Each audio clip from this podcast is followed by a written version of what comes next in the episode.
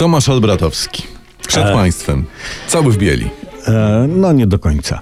E, dzisiaj zaduszki, więc mam temat e, no nawet zaduszny. O. Bo w, w coraz szersze kręgi zatacza się afera z tym filmowym producentem hollywoodzkim Harveyem Weinsteinem. Facet okazał się obleśnym typem, w skrócie oblesiem, bo wykorzystując swoją pozycję w sposób odrażający molestował młode aktorki. Wyrzucono go z roboty, no ale przy okazji, jak to się czas, czasem mówi, tymczasem błysnęła czarnoskóra dziennikarka i feministka Bim Adiwanmi.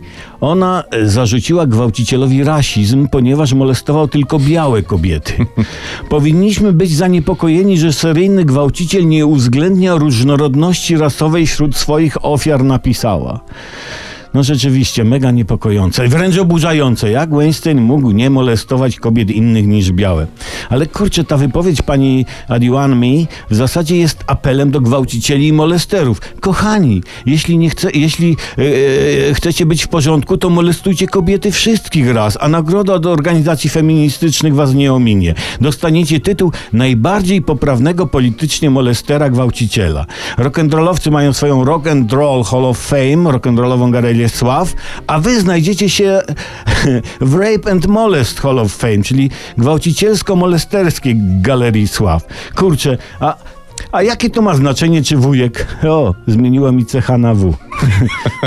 No ten wujek molestuje, jakie ma znaczenie, że molestuje tylko białe kobiety? Czy, czy wprost przeciwnie, nie jest wybredny w kwestii koloru skóry? W każdym przypadku taki obleś jest tym samym głupim palantem i tyle, no.